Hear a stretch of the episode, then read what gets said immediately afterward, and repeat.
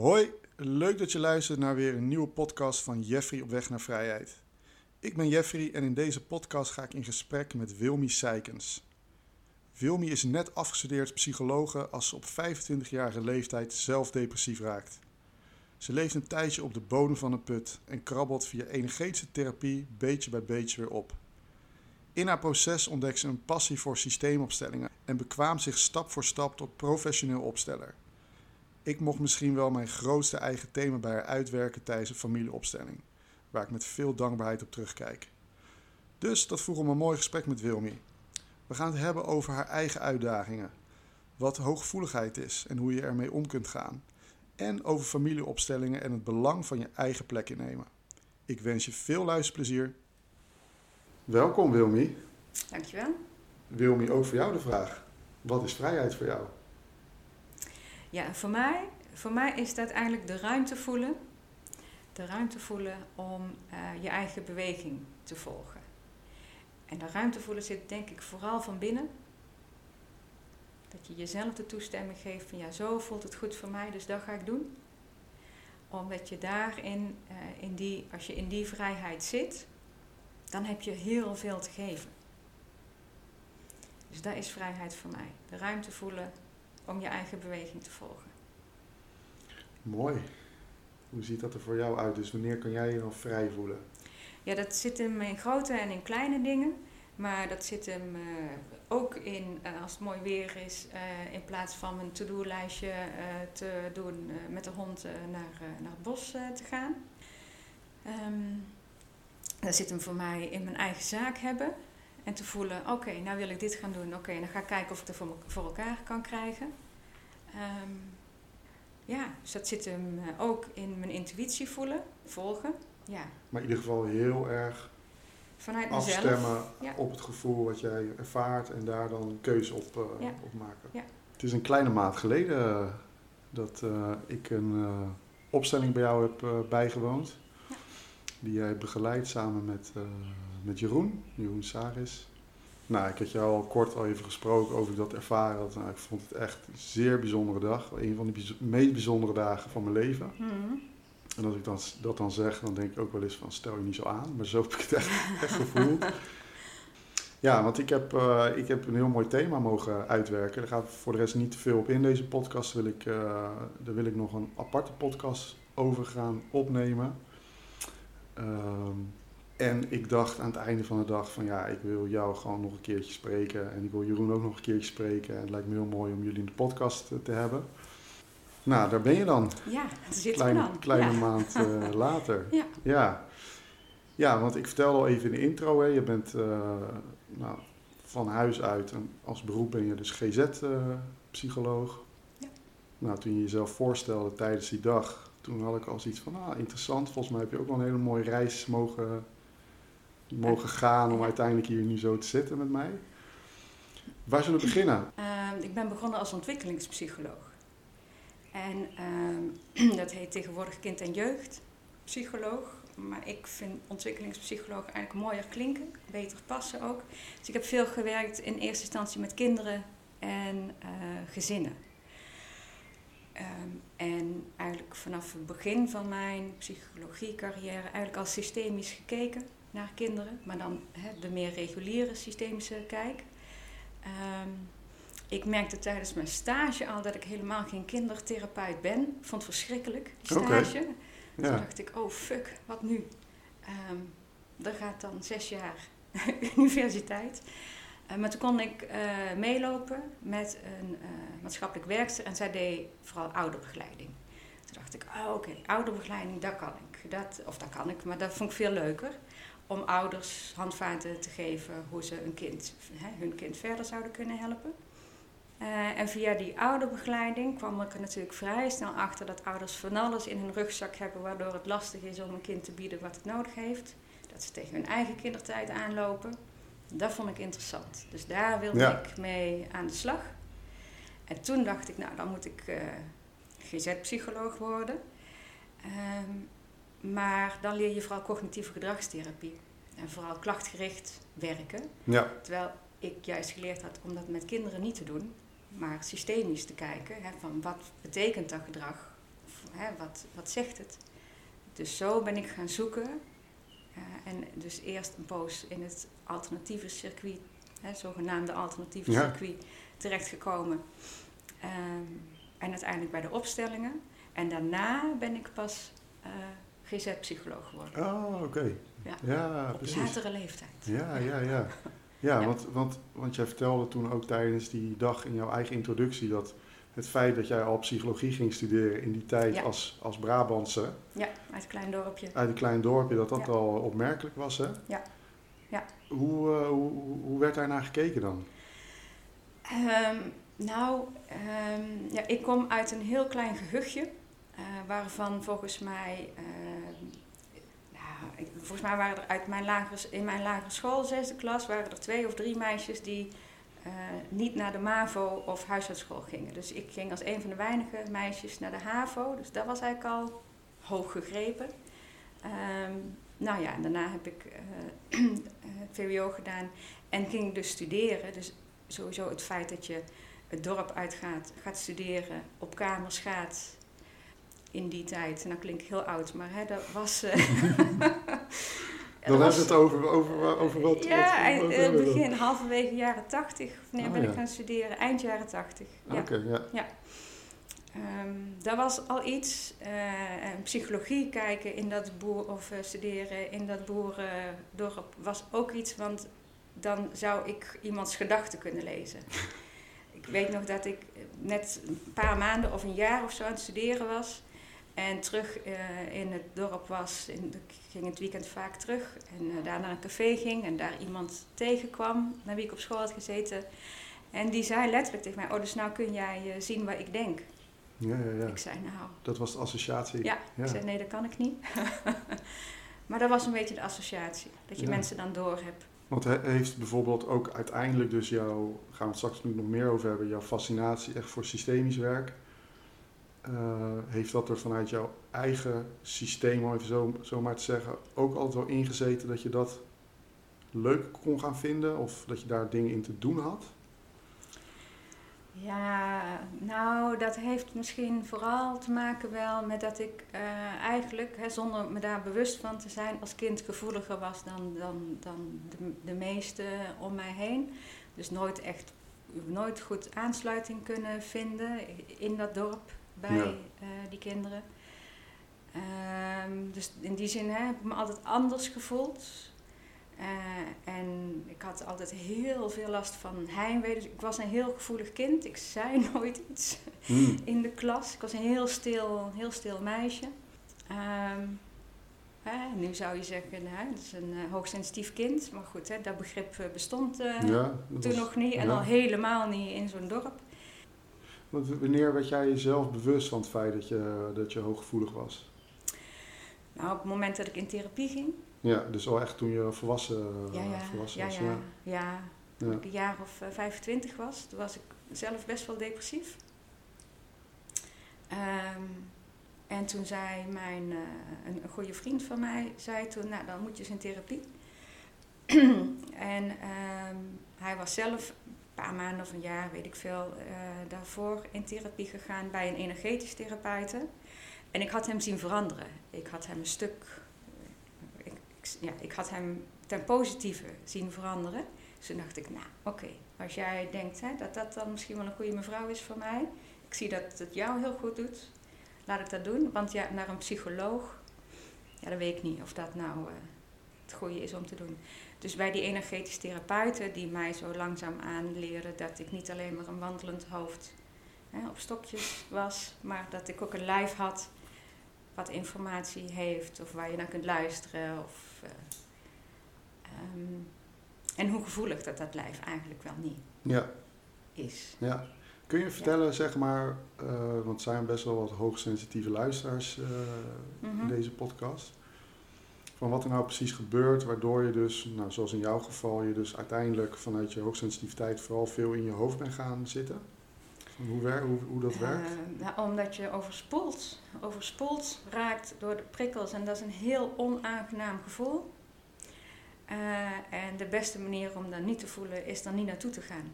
Ja. Dus dan ga je in je hoofd zitten en dan ga je rationaliseren.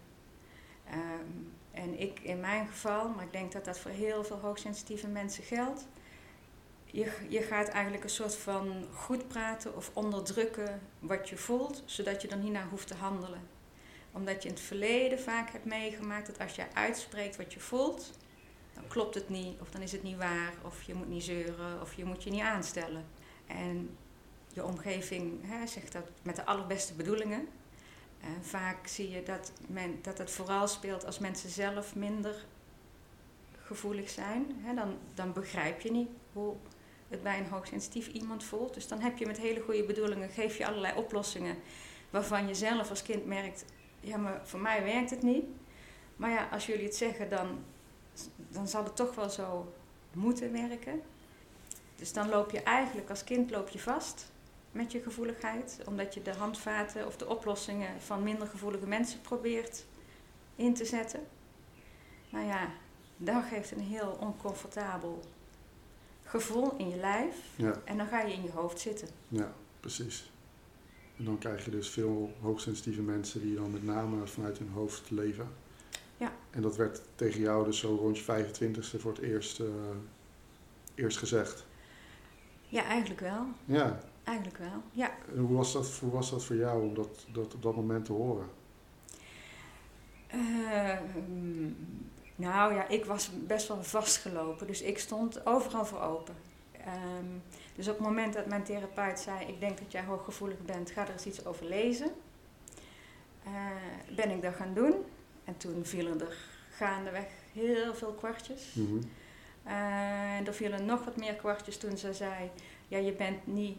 Eh, hè, je bent als hoogsensitief kind geboren. Je bent altijd zo geweest. Dus het is niet iets wat je hè, op een gegeven moment geworden bent. Je bent altijd zo geweest. Dus ook als hoogsensitief kind hè, heb je eigenlijk vanaf het begin af aan heb je al die prikkels al binnengekregen. Eh, zonder dat je daar eigenlijk hè, de juiste begeleiding in hebt gehad. Ja, En wat niemand te verwijten valt, want als mijn ouders hadden geweten dat dat bestond en dat het was, ehm, hè, dan hadden ze me an- op een andere manier begeleid. ja, Ja, zeker weten. Dus voor mij was het een verademing om, eh, ja, om mezelf beter te snappen, eigenlijk. ja. Ja. Ja, mooi. Ik heb zelf ook die ervaring. Voor mij, eh, bij mij werd het vorig jaar voor het eerst gezegd Mhm. door iemand. En toen ben ik dus ook gaan lezen erover. En toen dacht ik, ja, Ja. dat heeft best wat jaartjes eh, mogen duren voordat ik daar dus achter ben, ben Ja. gekomen. Ja. ja. Maar sindsdien, dat zal je denk ik ook herkennen, heel fijn om het te weten. Want je kunt er gewoon veel beter naar handelen nu Ja. ook, zeg maar. Ja. Ja, Ja, en veel beter in de gaten houden, of hè, je krijgt beter in de gaten eh, wat voor jou eh, eh, situaties zijn die tot overprikkeling leiden en hoe je Ja. daarmee om kan gaan, zodat je minder snel overprikkeld. ja. Waar, zit, waar zit in jou, waar kan jij met name zeg maar echt door geprikkeld raken? Nou, eigenlijk ehm, door, eh, ehm, voor mij is eh, als er veel tegelijkertijd moet, dat Ja. kan ik niet. Oh ja, Dus een ochtendritueel bijvoorbeeld. oh ja, ja, ja, ja. Eh, moet ik echt zorgen dat ik daar meer dan genoeg tijd voor heb. Als ik moet haasten, ben ik binnen een minuut overprikkeld. Eh, dus haasten is voor mij funest. Ik moet echt zorgen dat ik de tijd heb. En als ik niet de tijd heb, omdat ik me toch verslapen heb of er komt iets tussendoor of wat dan ook, eh, dat ik me dan, dan toch eigenlijk ehm, de rust gun om dan maar iets te laat te komen Ja, bijvoorbeeld. Zo naar onze afspraak toe, net. Ik loop met mijn hond en hou ik de tijd in de gaten. En als, dan raak ik een beetje gestrest, geoverprikkeld, omdat hij toch iets langzamer loopt dan ik eigenlijk in gedachten heb. En op het moment als ik dan tegen mezelf zeg, oké, maar goed, dan kom ik vijf minuten later. Als, als jij er al bent, dan app jij mij wel of de, hè, dat ja, komt goed. ja. Ehm, ja, want anders heeft dat direct impact op je systeem de rest van de dag, zeg maar. Als je overgeeft in die haast eigenlijk. Ja. Ja, ja, ja. Of als ik de boodschappen uit aan het pakken ben en ik krijg een, eh, een, een vraag van mijn jongste om uit te leggen wat een klankwoordgroep is, dat gaat niet. Nee, nee, nee. Dat gaat niet.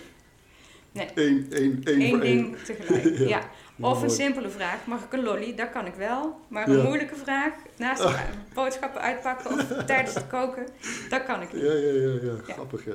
Ja. En, en, en qua geluiden, geuren, dat, zitten daar dan nog voor jou extra Ja, dan merk ik wel. Ik, van geluiden heb ik sneller last. Eh, geuren ruik ik heel eh, goed. Dus daar kan ik of heel erg van genieten of eh, heel erg vies vinden. Ja, Ehm, maar dat zijn over het algemeen niet echt dingen waar ik echt overprikkeld van raak, omdat dat is makkelijker te elimineren of zo. Nou, geluid niet zo goed, maar toch, nee, daar zit het er minder. Nee, daar precies. Zit het er minder in. ja, ja. ja. Ja. Oh, grappig. Ja. Ik heb vorige week een podcast opgenomen met iemand en die schreef in haar boek dat ze nou, zich enorm kon storen aan eh, bladblazers. Ja, Nou, dat was voor mij ook echt zo'n herkenning van, oh, dat geluid. Maar überhaupt dus alle harde geluiden. ja, Boren op zaterdag, een snelweg die dan qua wind mijn kant op staat. Dat ik dat heel de dag zeg maar buiten kan horen, weet je wel. ja. Dat ik daardoor dus echt zeg maar geneigd ben om zoveel mogelijk de stilte op te zoeken in Nederland als je het ook gewoon hebt qua wonen. Hoor je dat vaker van mensen in je ja, praktijk? Of, ja, ja, ik, hoor dat, ik hoor dat heel vaak. Maar ehm, ik denk, eh, of wat voor mij werkt, is eigenlijk om ehm, eh, geaard te blijven. En hoe geaarder ik ben, hoe minder snel overprikkeld dat ik raak. En dus, dus ook qua geluid of qua. Ja, dus, oh, dat klinkt heel flauw, hè, maar hè, hoe meer innerlijke rust, hoe makkelijker die prikkels van buitenaf ook te handelen zijn. Ja. Dus Laat- eigenlijk zeg je van, je kunt zelf nog heel veel meer werk doen, Ja. innerlijk gezien, Ja. waardoor je uiteindelijk ook niet Ja. hoeft te vluchten Ja. voor, Ja. voor die prikkels eigenlijk. Ja. Oh ja. Ja.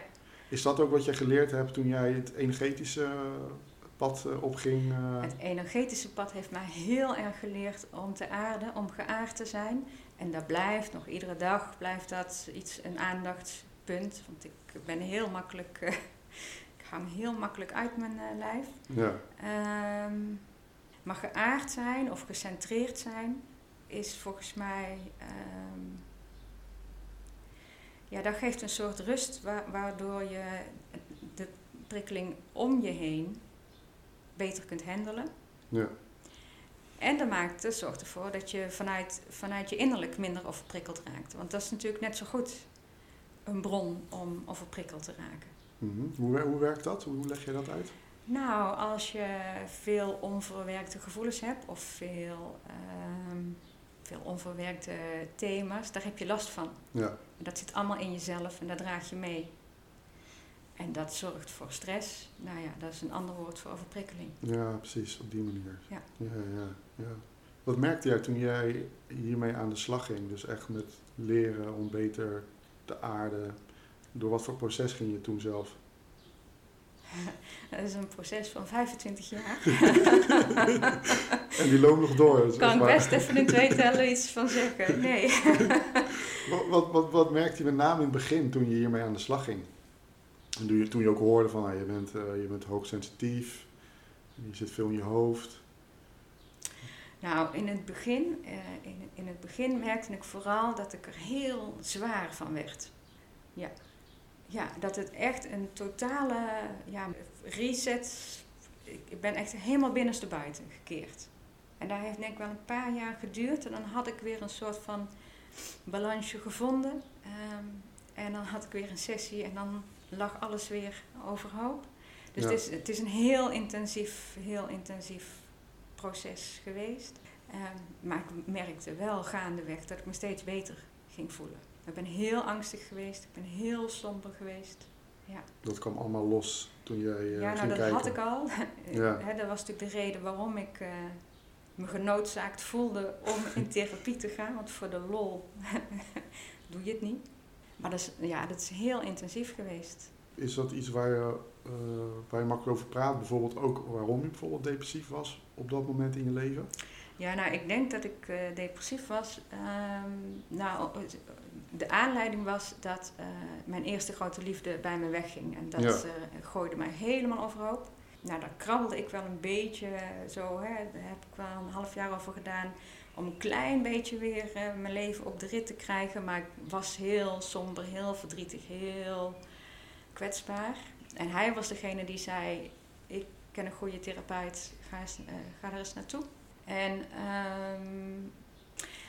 de, dus dat was eigenlijk de aanleiding. Maar wat daar aan vooraf uh, ging eigenlijk, is dat, is dat wandelende hoofd op stokjes. Dus dat niet snappen dat je heel gevoelig bent en niet naar je gevoel luisteren. En dat allemaal wegrationaliseren. En alles wat niet goed voelt, hè, wat krom voelt, recht praten. Om het toch maar vol te houden. Dus eigenlijk, uh, nou, wat ik me herinner daarvan, wat die therapeut zei, is: hè, jij leeft op wilskracht. Mhm. En daar hou je best een poosje vol. Kan best. Maar op een gegeven moment breekt dat op.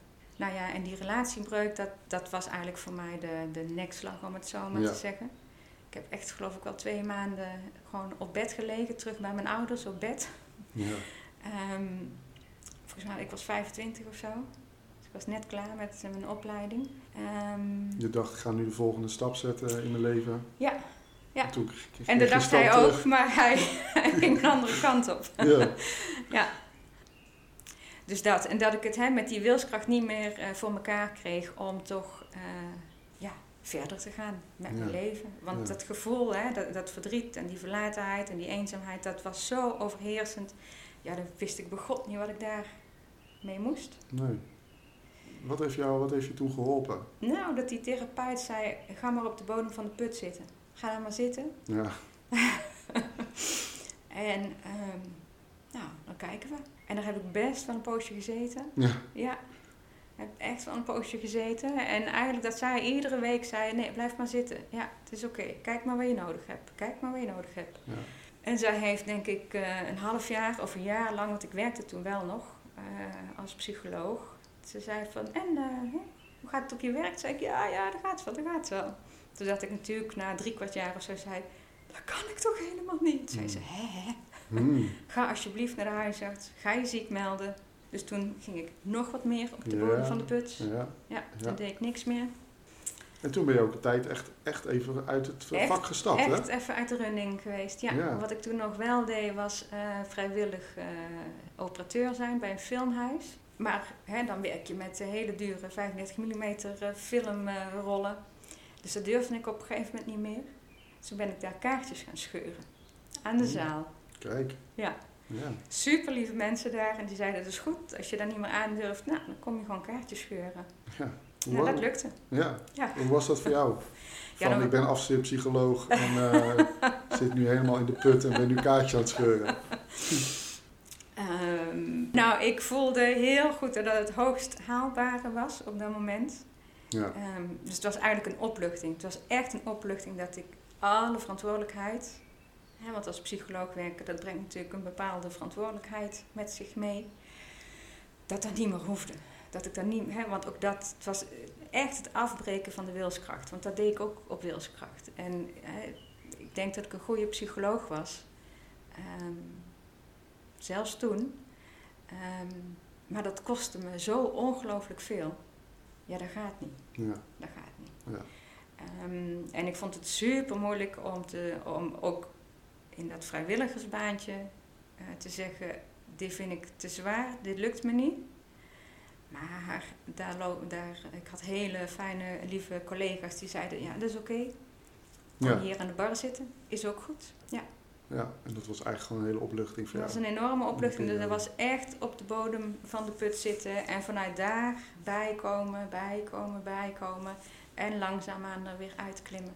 Dat is dus ook een, een fase of een periode in je leven geweest waar je volgens mij uiteindelijk dus ook toe bent gaan werken naar nog meer in die hoek van het energetisch en systemisch. eh. Ja. Wat, wat, doet, wat doet een energetisch therapeut voor de mensen die daar iets minder mee bekend zijn? Nou ja, deze energetisch therapeut, ehm, die, eh, die had een behandeltafel waar je op ging liggen en ehm, eigenlijk met de handen eh, of met een ank ehm, eh, geeft zij energie aan je chakras. Ze ga- gaf reiki-behandelingen. Ehm, ja, en zorgde dat je chakras allemaal weer gewoon gingen lopen, stromen. Ja.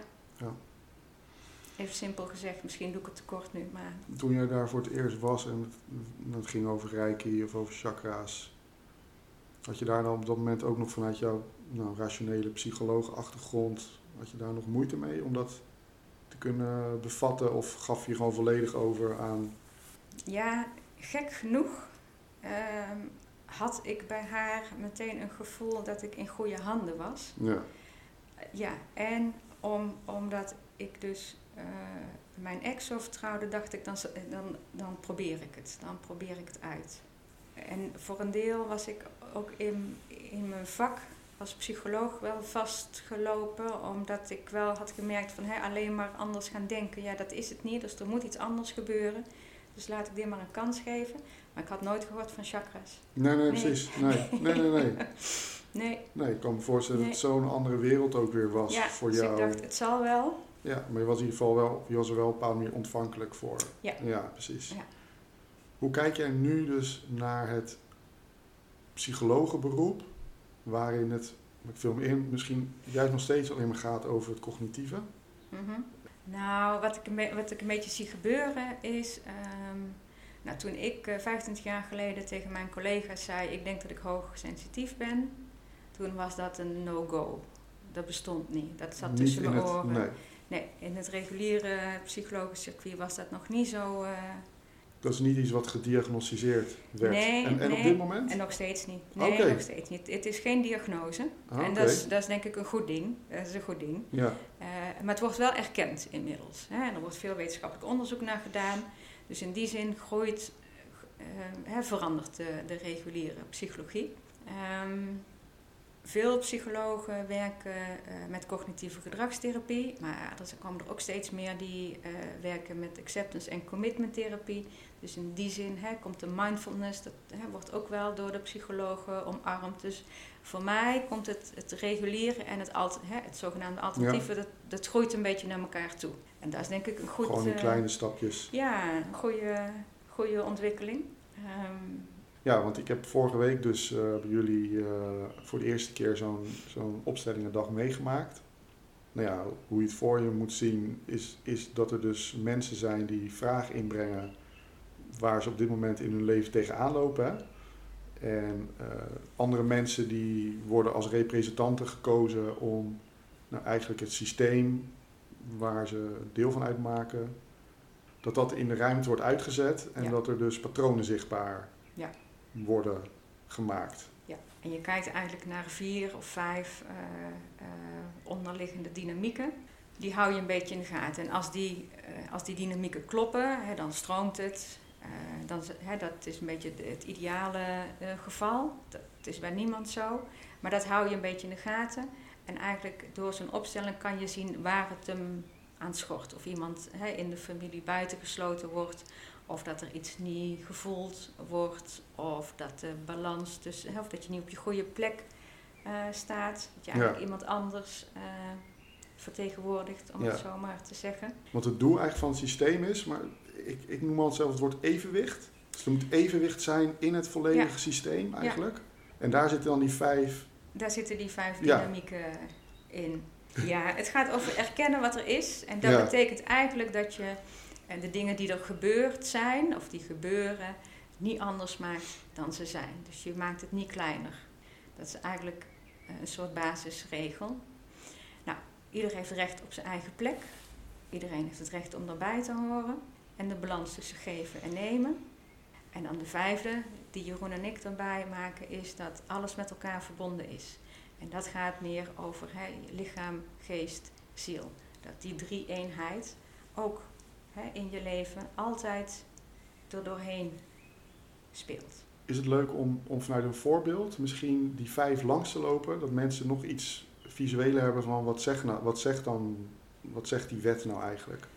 Nou, erkennen wat er is, dat is eigenlijk eh, dat, je, ja, dat je het leven, je ouders, aanneemt zoals ze zijn. Met alles erop en eraan. Dus de goede dingen, de fijne dingen, maar ook de moeilijke dingen. Dat mag er allemaal zijn. Ehm, hè, mensen hebben soms een neiging om het te bagatelliseren. Dan doe je jezelf tekort. Dat werkt niet. Dat gaat ergens schuren. Dus dat is erkennen wat er is. Ja? Ehm, en eigenlijk lopen ze, ze lopen allemaal een beetje door elkaar heen en vertonen overlap. Want de volgende, ieder heeft recht op zijn eigen plek. Eh, dus iedereen hoort erbij. En Ja. daarin zie je vaak dat dus daders bijvoorbeeld, Ja. ja, Ja. die worden dan eh, ja, buitengesloten. Die worden buitengesloten of eh, bij geadopteerde kinderen dat de, bio- de, de biologische afkomst een beetje wordt weggemoffeld. Ja, Maar die biologische ouders die hebben recht op hun plek. Die horen erbij. ja. Ehm, dan de balans tussen geven en nemen. Nou, dat, gaat, hè, dat heb je horizontaal en verticaal. Horizontaal gaat eigenlijk tussen over gelijkwaardige partners. Hè, dus in een liefdesrelatie of in een vriendschap. Hè, er moet een beetje een evenwicht zijn. Eh, hè, dat hoeft niet eh, op de millimeter nauwkeurig afgemeten. En dat mag ook in bepaalde periodes hè, mag dat fluctueren. Maar over het algemeen moet dat een beetje in balans Ja. zijn. En noem jij, noem jij dan echt dat wat in balans moet zijn aandacht of energie of liefde? Of, Ja, oh, oh, hoe hard je werkt Ja, voor ja, een relatie, of hoeveel je erin stopt. Of, ja. Precies, ja, Ja. oké. Ehm, ehm, en de verticale variant is tussen ouders en kinderen.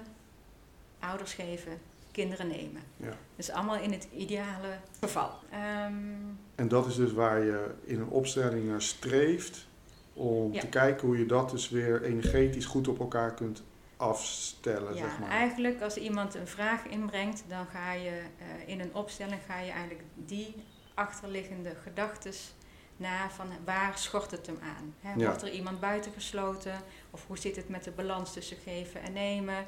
Of hoe zit het met de erkenning van wat er gebeurd is, hè? van de impact van een bepaalde gebeurtenis Ja, op een familiesysteem. Je kan, eh, hè, je kan de, de, de, wat een, een opstelling eigenlijk doet, is dat je echt doorvoelt wat de impact geweest is van een bepaalde gebeurtenis. Als je bijvoorbeeld ehm, een, een miskraam hebt gehad, hè, je kunt dat eh, met je hoofd hè, rationaliseren dat dat een goede. eh, dat dat goed geweest is omdat het kindje ziek was of, of wat dan ook, of niet levensvatbaar.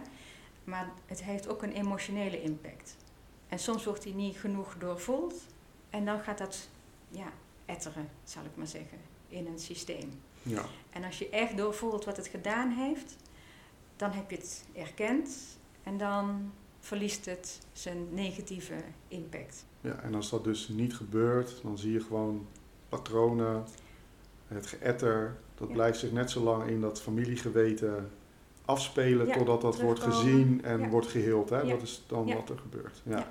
Wat zie jij na nou, honderden opstellingen misschien wel gedaan en gezien te hebben? Wat zie je nou eh, vaak terugkomen aan thema's binnen families? Nou, wat heel, wat, wat heel vaak terugkomt, gaat eigenlijk over de relatie met je ouders. Ergens het gevoel te hebben dat je tekort bent gekomen van ze. Wat misschien in de realiteit ook wel zo geweest is. Ehm, hè, maar de helende beweging is iedere keer erkennen van je ouders. Met alles erop en eraan. Dus wat, wat er wel was en wat er niet was. Mm. En wat ik zo mooi vond is dus volgens mij als belangrijkste wat jullie, wat jullie toen ook aangaven is de erkenning dat ze je het leven hebben gegeven. Ja. En dat die, niet, die, wordt, die wordt vaak niet bewust bij stilgestaan. Nee. Ja. Ik heel mooi, ja. Want daar begint het mee.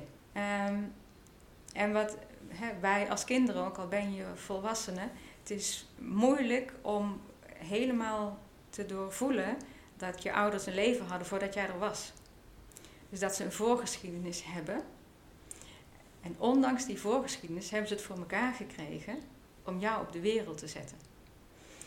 En voor een kind is dat iets vanzelfsprekend. Hè, want je hebt een soort van egocentrisme, wat goed is en gezond is. ja. Maar zo'n opstelling helpt je om wat beter in beeld te krijgen wat er aan vooraf gegaan is. En dan maakt het vaak wat makkelijker om te erkennen dat het Ja. best wel een cadeau is.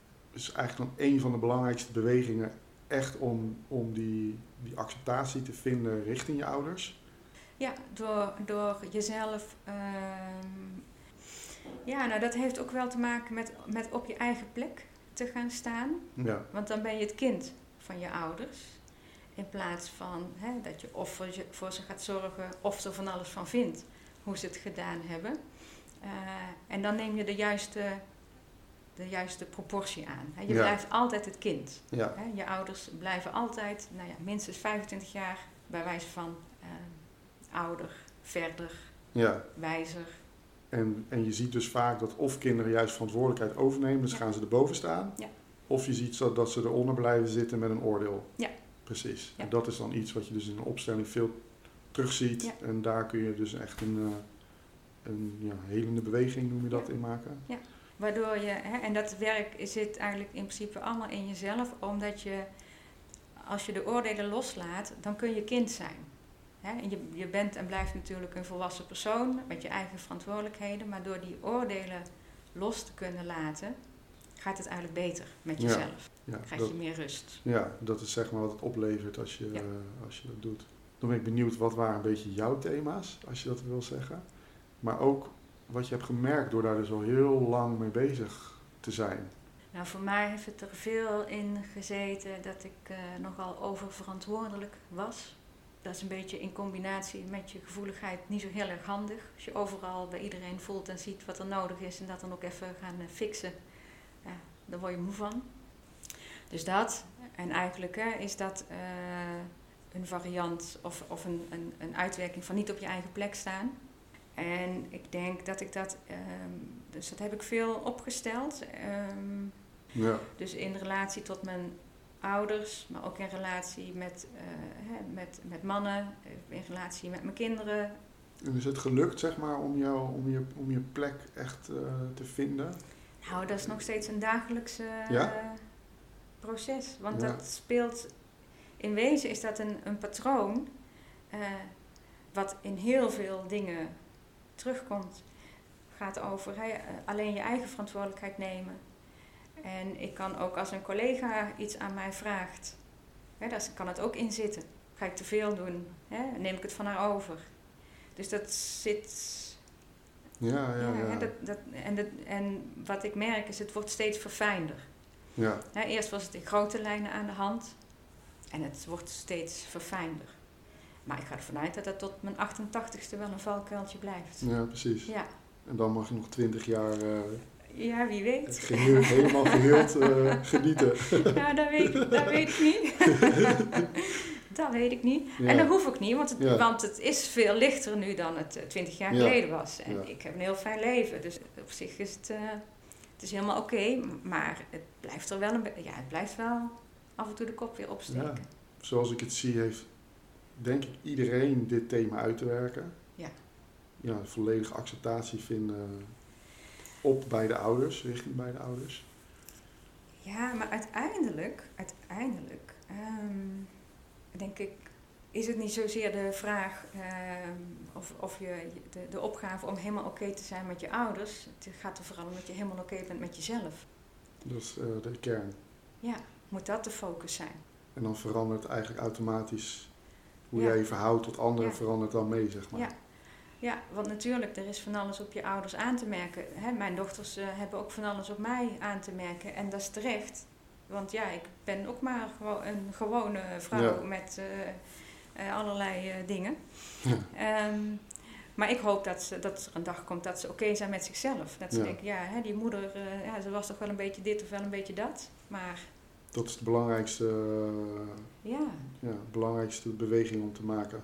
Ja. Oké zijn met Want jezelf. uiteindelijk eh, moet je loskomen van je ouders tot op zekere hoogte. Ik vraag wel eens eh, aan cliënten: met wie wil je oud worden? Met je partner of met je ouders? Ja, nou dan is meteen duidelijk waar, hè, waar ze op willen focussen. Ja, die kwam ook tijdens onze dag terug hè, bij iemand. Ja. Heel mooi ook, ja. Dat jullie zo erg bezig waren om die horizontale lijn goed te Ja. hebben. Ja. Dus tussen haar en haar man en niet tussen haar en haar ouders. Ja. Want op een gegeven moment mag je ouders hè, ook, ook met rust laten. Hè, die hebben gedaan en gegeven wat Ja. ze konden. En daar moet je het mee doen. En dan kun je blijven trekken of blijven eisen of dingen blijven willen. Maar dan, ja, je bent inmiddels een volwassen persoon. Ga het maar ergens anders zoeken. En dan het liefst in jezelf. En dan, als het even kan, in jezelf. En maar Ja. je kunt niet alles in jezelf vinden. Maar Ja. er, hè, er zijn genoeg Ja, alternatieven. Heb je nog een ander voorbeeld van een, van een thema of wat je veel bij mensen terugziet in families? Ja, nou, dat is misschien niet zozeer in families, maar we hebben natuurlijk niet voor niks die vijfde uh, dimensie eraan toe uh, uh, gevoegd. de balans hè, tussen lichaam, ziel en geest. want ik ben niet het enige, ik was niet het enige wandelende hoofd op stokjes. Er zijn best wel veel wandelende hoofden op stokjes. Een land vol, hè? Precies. ja. Um, dus um, uh, nou ja, daar focussen wij heel erg op, ook in het opstellen, ook in het representeren, dat je je gewaar wordt van wat er in je lijf gebeurt. Um, dus eigenlijk je lichaamswijsheid, om het zo te noemen, om die in te gaan zetten in plaats van vanuit je hoofd. Want hoe zijn jullie daarop gekomen dat jullie zoiets hadden van dit, dit, dit is gewoon echt een, een vijfde die we willen toevoegen aan die uh, dimensies? Nou, uh, omdat wij zo uh, zelf een beetje in het leven staan, allebei. Um, hè, en dat is eigenlijk wat bewuster, hè, de, de, de, de spiritualiteit uh, ook een plek geven in het opstellen. Ja. van origine ging dat natuurlijk over familiesystemen. En tegenwoordig heet het systeemopstellingen, omdat hè, alles is een systeem, dus je kan heel veel opstellen. Uh, en Jeroen is energetisch therapeut um, en was daar altijd al veel mee bezig. Um, dus wij wilden dat een plek geven en dat heeft een, een, steeds grotere plek gekregen. Vandaar dat we er ook themadagen uh, van zijn gaan maken, omdat het voor, voor, ons is dat eigenlijk hè, het overkoepelende of het onderliggende, net zoals je het noemen wil, ja. van het hele opstellingenwerk. Hè, ja. Dat energetische aspect, dat, dat gewaar zijn, dat ja. zit hem heel erg ook in je, ja, in je lichaam. En uh, bedoel je daarmee te zeggen, is dat dat aspect hangt eigenlijk nog boven dat familiesysteem, zeg maar? Ja, Omdat dat nog meer richting de, de waarheid, de, de, persoonlijke waarheid gaat of zo van iemand? Hoe zou je dat uitleggen? Nou, ik heb eens ooit um, Wilfried Nelles, dat is een, een, eh, een Duitse, geloof ik, uh, opsteller. Uh, en ik was bij een workshop van hem en hij zei: uh, Het mooiste is als je kunt leven als representant. Dat vond ik een hele mooie, omdat ik denk: dan ben je eigenlijk hè, 24 uur per dag, 7 dagen in de week, voor zover het haalbaar is, gewaar van wat er in je leven of wat er in je lijf gebeurt. En daar handel je naar. En of dat nou de waarheid is, dat weet ik niet hoor. Maar um, voor mij is dat wel een hele fijne manier van in het leven staan. Kijken wat er gebeurt, kijken ja. wat er met me doet. Wat er in het lichaam gebeurt. Ja, want daar zit je, daar zit je gevoel. Wat leeft het jullie zeg maar, op in de opstellingen om dat zeg maar, toe te voegen? Ja, omdat het voor ons eigenlijk de basis is van het hele opstellingenwerk. Het representeren. Um, en dus het gewaarzijn van wat er in je lichaam gebeurt. Want dat is wat je doet als je representeert. He, daar focus je heel erg op. Het voelt als dat ik dichterbij moet of verder weg moet of oh, ik krijg het ineens heel benauwd. Um, en als je je daar in je dagelijks leven meer bewust van bent, dat is heel waardevol. Want dan ga je andere keuzes maken. Ja, en gevoelsmatig zit daar ook de magie op in zo'n dag, zoals ik hem heb ervaren, toch? Ja. Want dat, ja, voor mij, die dag was een en al magie. Zat dat in die dag, was het specifiek deze dag of zijn al die dagen zo magisch? Al die dagen zijn zo, al die dagen zijn zo. Ja. ja. Waar, waar, waardoor ontstaat er zoveel magie op zo'n dag? Ja, volgens mij daarin dat je heel erg focust op wat er in je lichaam gebeurt. Ja. Want dat doe je in het dagelijks leven niet. Um, en dat je dat met die hele groep doet. Ja, fantastisch ja. hè? En dan is hè, 1 en 1 3 dat ontstaat ja. in die groep. En dat ontstaat altijd, iedere keer. En dat is voor ons ook uh, heel bijzonder. Ja, ik, en de reden dat wij het zo leuk vinden om ja, te doen. dat snap ik. Dat snap ik, ja. Nou, ik heb ook meteen mijn nieuwe passie gevonden van jullie. Dus daar gaan, we, daar gaan we het ook nog over hebben. Want het was echt zo bijzonder om dat gevoel te ervaren. Om maar even aan te geven, je komt gewoon aan op zo'n dag uh, met tien, tien onbekende mensen en uh, nou ja, ik denk al na opstelling 1 of misschien na opstelling 2 is er al zoveel verbinding in die groep. Ja. Uh, hangt er een en al liefde, heel veel verdriet ook, maar na dat verdriet natuurlijk heel ja. veel liefde en ja. een soort heiligheid heb ik, heb ik ook al tegen gezegd. Maar dat was misschien mijn opstelling ook wel. Ik kon ook een soort heiligheid voelen. weet niet of je dat wel eens terugkrijgt van Ja, mensen. maar je komt in een soort onvoorwaardelijke liefde terecht. Eigenlijk kom je met z'n allen in die frequentie, Ja. zeg maar. Ja, hè, dat is die energie en dat is moeilijk in woorden uit te drukken. Ja, dat is juist misschien ook het mooie en dus het magische. Ja, Ja, hoe, heeft, hoe heeft het jouw leven veranderd? ja. Mijn moeder is in, de, in december eh, overleden. Mijn moeder heeft tien jaar Alzheimer gehad. Dus dat is een heel lang moeizaam proces geweest. En in dat hele proces is het voor mij heel helpend geweest om me keer op keer te realiseren: ik ben jouw dochter. Ik ben alleen maar jouw dochter.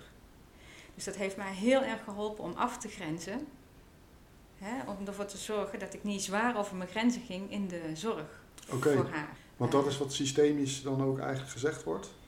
Ja. Dat je dus ook op dat moment de zorg niet overneemt? Tot, Als kind? Tot, nou, tot op zekere hoogte. Je mag natuurlijk, eh, je mag natuurlijk voor, de, voor de zorgen. Je mag kijken hè, hoe je kan helpen. eh, of wat je kunt doen. Eh, maar je, moet, je mag het nog steeds niet overnemen. Ja. En het is nog steeds een volwassen vrouw. Hè, die zoveel mogelijk haar eigen beslissingen mag nemen. En bijvoorbeeld, ehm, als ik moest kiezen tussen iets voor haar doen of iets belangrijks wat eh, in mijn eigen gezin speelde, dat ik mezelf toestond om voor mijn eigen gezin te kiezen. ja. Want daar ben ik de moeder. Eh, en mijn moeder, mijn eigen moeder was natuurlijk op een gegeven moment heel erg afhankelijk. Want hè, ze- ze heeft ook in een boerderij, in hoe heet het, verpleeghuis eh, gewoond. Dus zij was afhankelijk van ons. Maar mijn eigen dochters zijn ook afhankelijk van mij. Ja. En als ik moet kiezen, dan mag ik kiezen voor mijn eigen dochters. En als je daar niet bewust van bent, zijn er denk ik veel mensen die Dan zeggen van we gaan het, ik doe het allebei wel. Ja. En dan gaan ze over hun Veel eigen lastiger. grenzen. Ja. Oh ja. Dus het heeft mij geholpen in, het, hè, in, in, in, in, in de grenzen bewaken, in het mantelzorgen. En dus ook hè, eh, samen met mijn vader en mijn zus eh, hulp inschakelen voor haar. Omdat wij merkten, hè, dit wordt voor ons te veel. En op een bepaald, nou ik weet niet of het daardoor makkelijker is geweest, maar mij heeft het geholpen om, om gezonde grenzen in de gaten te Ja. houden. Zelfs in zo'n moeilijk proces. En dat was Ja. denk ik ook een proces Dat was ook een proces. om, ja. Ja. En, en waar, waar, waar, waar ben jij op, want dat is, het heeft tien jaar gespeeld, zei je? Ja. Waar, waar ben je daar, daarin doorheen gegaan, zeg maar, in jouw proces? Nou, eigenlijk ook eh, in eh, groeien van, van dochter die nog iets nodig heeft, of nodig Ja. denkt te hebben, dat vooral nodig Ja. denkt te hebben, eh, naar de volwassen dochter die gezonde keuzes voor zichzelf kan maken. En dus ook voor een deel mijn moeders lot van dementerend zijn bij haar laten. In plaats van dat allemaal zoveel mogelijk proberen te verzachten of weg Ja. te nemen. Dit is wat het is. En dat is hartstikke zwaar en dat is hartstikke moeilijk. Maar dat is haar lot. En vooralsnog is dat niet mijn lot. Mijn lot is dat mijn moeder dementeert en mij niet meer herkent. Ja. En dat verschil gaan zien. Dat je je bezig houdt, kunt houden ook met je, hè, met je eigen pijn. Ja, In precies. plaats van alleen maar zorgen voor Ja. haar. Precies, vanuit eh, het is mijn moeder en het is zielig. Het is mijn moeder en Alzheimer is erg. Wat allemaal zo is, maar dat, dat is Ja, nee, haar. precies. dat hoort bij haar. En bij mij hoort dat mijn moeder die ziekte heeft. Ik kan me voorstellen dat het voor jou mogelijk ook dus nog de ultieme nou ja, laatste interactie die je misschien met jouw moeder dan gehad hebt in dat hele proces om dus de juiste verantwoordelijkheid te pakken. Ook omdat je natuurlijk eerder aangaf in dit gesprek dat dat wel echt een thema was. Ja, ja. dat ik nog de laatste... Jazeker, jazeker, ja. Ehm, ja, dat is tot op, tot op, de, tot op de laatste... eh, ik was erbij toen ze overleed. Dus tot Ja. op de laatste, haar laatste ademhaling, zal ik maar zeggen. Ehm, maar maar oh nee, ook daarna nog hè, in, het, eh, in, in het, eh, de, de afscheidsdienst voorbereiden en zo. Dat je dochter blijft. En dat betekent ook dat je bepaalde verzorgende taken of zo jezelf toestaat dat je die niet doet, want dat is te moeilijk voor een dochter. Een verpleegkundige kan dat prima. Ja, en dan, dan heeft dat systemische kijken, eh, dat helpt. Hè? Want Ja. dat erkennen wat er is. Oké, jij hebt Alzheimer, ik ben de dochter van een moeder met Alzheimer. De balans tussen geven en nemen, waarbij het zo blijft dat zij in principe geeft aan mij. En ik mag best iets teruggeven, maar ik moet het in de gaten houden. Ja, het is volgens mij zelfs ook iets geweest waardoor je nu ook eh, speciale dagen daarvoor doet, toch? Speciaal voor mantelzorgers. Ja, ja, precies. Alles wat ik in mijn leven meemaak, dat inspireert mij Ja, om er uiteindelijk ehm, in mijn werk iets mee te doen. En ik ben natuurlijk niet de enige met een dementerende moeder. Dus als ik dat in mijn praktijk tegenkom, dan eh, ja, sluit ik daar ook Ja. op aan. ja. En dan is dit wat je net zei, is het belangrijkste is om direct bewust te zijn van die rol moeder-dochter, zeg maar. En die grens bewaken. Ja. Ja, mooi. En, en als je gewoon überhaupt kijkt naar, hè, stel iemand luistert en nou, die heeft hier misschien nog niet zo heel veel mee gedaan of is zich hier niet zo heel bewust van, hè, van die systemische invloeden. Mhm. Wat zijn nou eh, één, twee of drie belangrijke dingen die je kan meegeven? Ehm, ja, eigenlijk, eigenlijk kan je kijken op welk levensgebied dan ook. Gaat het goed met mij? Gaat het goed met mij op mijn werk? Gaat het goed met mij in mijn relatie? Ja. Gaat het goed met mij in de relatie met mijn kinderen? Gaat het goed met mij in de relatie met mijn ouders? Als het antwoord nee is, kun je kijken, oké, wat probeer ik weg te maken? Eh, of waar schort het aan? Hè, loopt mijn energie, waar loopt mijn energie op weg? Ben ik te veel verantwoordelijkheid aan het overnemen? Ben ik eh, te weinig verantwoordelijkheid voor mezelf aan het nemen? Ben ik te veel aan het geven? Ontvang ik te weinig? Eh, volgens mij is dat wel een beetje, een beetje de kern. Ehm, dat je het jezelf goed laat gaan. Eh, wat er ook, ehm, ja, eh, wa- waar je in het leven ook mee te maken krijgt. Want iedereen krijgt moeilijke dingen, hè, los van in welk gezin je eh, geboren wordt. Het leven brengt nogal wat uitdagingen met zich mee. En dat je in iedere uitdaging waar je voor staat, eh, dat eigenlijk voorop zet. Het jezelf zo goed mogelijk laten gaan. Ja, en dan is er natuurlijk een groep mensen die dit hoort en die dan denkt van, dat voelt heel egoïstisch. Ja, natuurlijk, maar er bestaat zoiets als gezond egoïsme. Ja, precies. Want als het goed met mij gaat, heb ik veel meer te bieden Ja, aan mijn man, aan mijn kinderen, aan mijn cliënten, aan mijn familie. dat is echt een belangrijke bewustwordingsstap, denk ik, hè, voor die groep mensen. Ik, ik- heel veel jaar geleden terug had ik dat misschien ook kunnen denken als eerste van, hé, hey, maar het is toch ook belangrijk dat ik eh, juist goed ben voor die ander. Ja, Zeker, zeker. Maar je moet, je, je moet jezelf eerst voor jezelf zorgen. Ja, Want als jij niet voor jezelf zorgt, doet niemand het.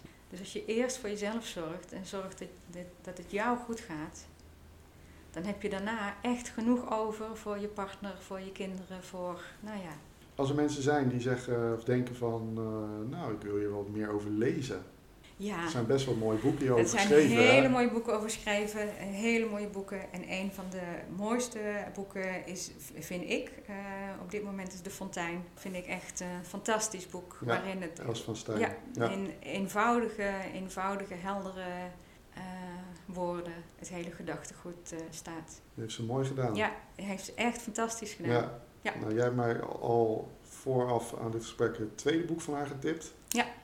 De Maak, van, Ja, maak wijze, keuzes. Ja. Ja. Nou, daar ben ik hiervan nu mee begonnen. Super mooie boeken.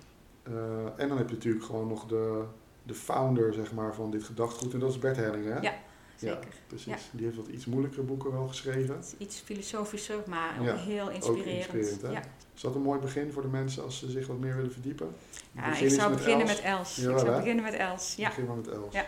Nou, met deze wat promotie voor Els. ja zeker. Ja. Leuk. Ik ga ervan uit dat mensen geïnspireerd gaan raken. Waar kunnen mensen jou en jullie vinden als ze meer willen? ja, ik heb mijn eigen website voor, voor mijn praktijk en die heet wilmiseikens.nl. Ja, En dan heb ik samen met Jeroen eh, hebben wij eh, een eh, aparte website voor de opstellingen.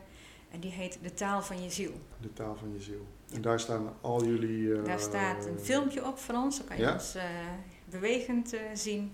Daar staat een agenda en een beetje onze manier van werken. Ja, Ja, precies. Ja. Nou, ik zou zeggen, ga het bekijken, eh, beste luisteraar. En eh, nou, wie weet zie ik jou dan ook nog wel een keer op een van die dagen. Ik ben in ieder geval zaterdag weer. jij bent erbij. Ik ben er zaterdag ja. bij. Nou, wij ook. Ja, nou heel leuk. Dankjewel Wilmy.